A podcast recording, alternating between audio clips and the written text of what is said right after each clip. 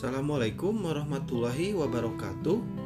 Berjumpa kembali dalam pembahasan materi pendidikan Pancasila bersama saya Aang Supriyatna. Pada sesi kali ini akan dibahas mengenai topik Pancasila sebagai ideologi negara. Ideologi berasal dari kata idea yang artinya gagasan, konsep, pengertian dasar, cita-cita, dan kata logos yang berarti ilmu. Menurut Kailan, ideologi secara etimologis artinya ilmu tentang ide-ide, the science of ideas, atau ajaran tentang pengertian dasar tentang suatu ide. Pengertian Pancasila sebagai ideologi negara ialah bahwa nilai-nilai yang terkandung di dalam Pancasila menjadi cita-cita normatif dalam menyelenggarakan kehidupan bernegara.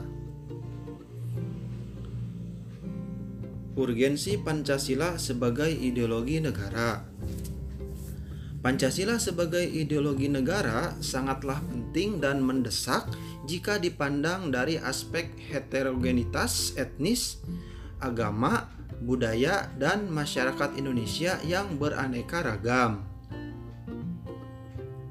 Ideologi Pancasila dapat memayungi kepentingan bersama sebagai bangsa Indonesia yang majemuk.